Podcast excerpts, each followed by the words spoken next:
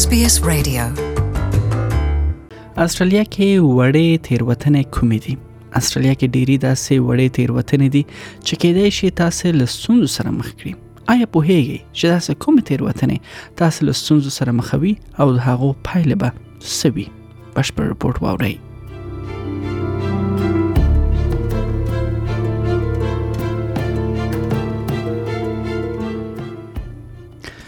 استرالیا کې سپای ساتل او هغه نه راجستر کول له بهرني موټر چلولو لایسنس سره له ټاکل شوې مودې څخه ډیر موټر چلول خپل موټر نه بندول بندو ځایو کې لکه د ریل گاډو تمځای کې سګرټ سکول دا ټول وړې تیروتنې دي چې استرالیا کې ځینې خلک یې کوي ولې دې ټول پر وړاندې قانون شتون لري او د قانون لمخه تاسو داسې تیروتنو لپاره لسون سره مخ کېدای شئ که چیرې هر هغه هیوا څخه چې تاسو استرالیا ته راغلي اوسئ نو ذکر شو تیروتنو لپاره کېدای شي تاسو هیوادونو کې قوانين سره توپیر ولري ولې بیا دلته استرالیا کې دا مسایل جدي نیول کیږي فلورنس مونتاولف کروس د کورنۍ برخې وکیل وکیل ده او د ریفیوجی سرویسز چې لیګل اید اداره هم ده هغه ته کار کوي هغه لوي چې ساسو هیوادو کې کې چیرې ځینې داسې مسایل د منلو وي ولې دا کې د شي اصلیا کې بیا توپیر ولري One of the things that my dad likes to do is when you when he goes to the market یو څه چې زما د پلار تل خوښېده چې تر سره کړي نو هغه به هر کله چې مارکیټ ته ولاړ نو دکان کې به میوه باندې چک واخه او خوند لپاره امتحان کوه لکه انګور به خوړل نو همداسې د نورو کلتورو خلک چې مارکیټ ته ولاړ شي کېدای شي د هغو ځینی عادتونه وي ولې کدل ته داسې کار تاسو ولورس الدی یا کولز مارکیټو کې وکړي دا له دکان څخه د غلا په معنا ده. د کال لپاره کېدای شي تاسو بندي نشي ول بیا هم یو بحث جوړیږي چې کېدای شي شخړو ته هم لار هواره کړي اغله وایي چې موټر کې مو په جګ اواز موسیقي لګول او یا خپل کور کې په جګ اواز موسیقي لګول دا هم کېدای شي کوشنۍ تیروتنه وي چې ډېری خلک په دې نه پوهیږي coming from you know a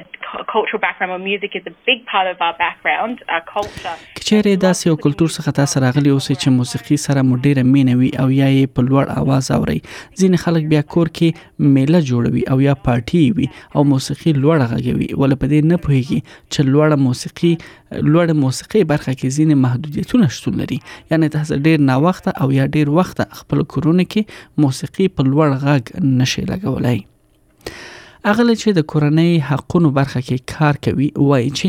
ځینې کسان چې نوی استرالیا ته راغلي هغه خپل کلتور لمخه ماشومان خوانځي ته نه لګي which a lot of parents don't understand is actually a big issue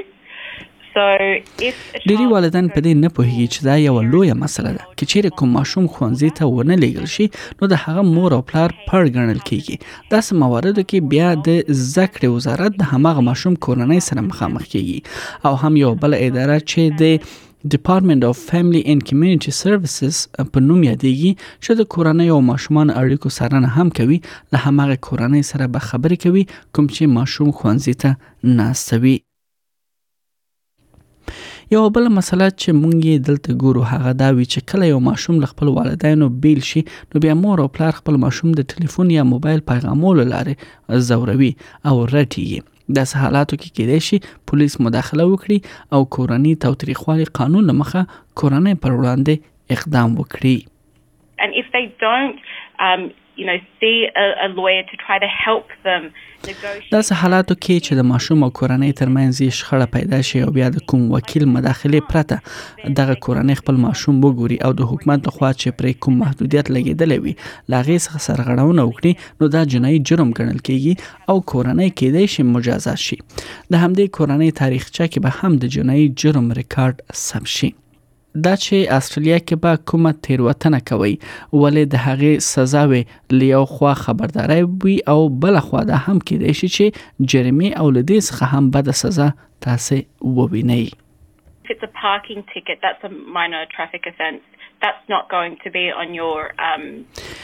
یعنی که چیرې تاسو د یو پارکینګ ټیکټ جریمه واخلئ نو دا یو عادي جرم دی او دا تاسو ریکارډ کې نه پاتې کیږي ولکه چیرې تاسو عامه ځای کې بد الفاظ وکاروي او یا عامه ځای کې لزان سره چاړه وګرځوي که چیرې خپل لایسنس پرته موټر وچلوي که چیرې ډیر سرعت سره موټر وچلوي یعنی د پر اړه لري چې لټاکل شوی سرعت څخه څومره تاسو سرعت بل لوړ وي دا ټول تاسو جنایي جرمونو ریکارډ کې ثبت کیږي او هم که کوم دکان څخه څه اوچت کړئ او یا پټ کړئ نو دا هم جرم دی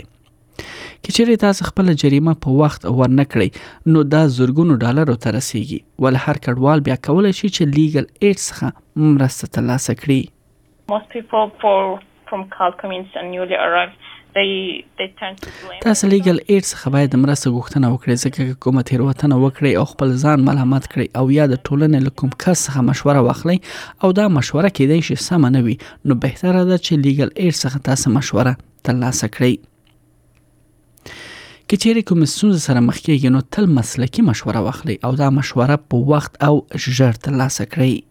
It's like when you're sick, you, you go to the doctor. When you're car is broken, you just take it someone to fix it. So those legal issues, and you can see someone to help you with. Most people they say it's it's not really a big problem. Is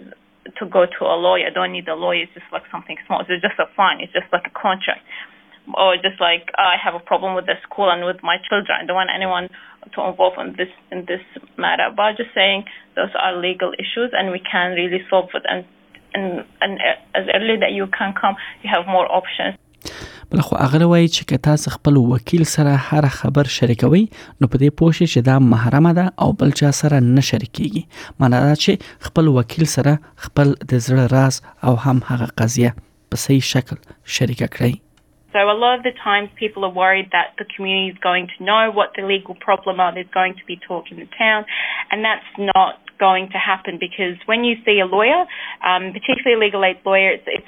free, but when you see a lawyer, it's confidential. They won't disclose whatever you, you've discussed to anyone else.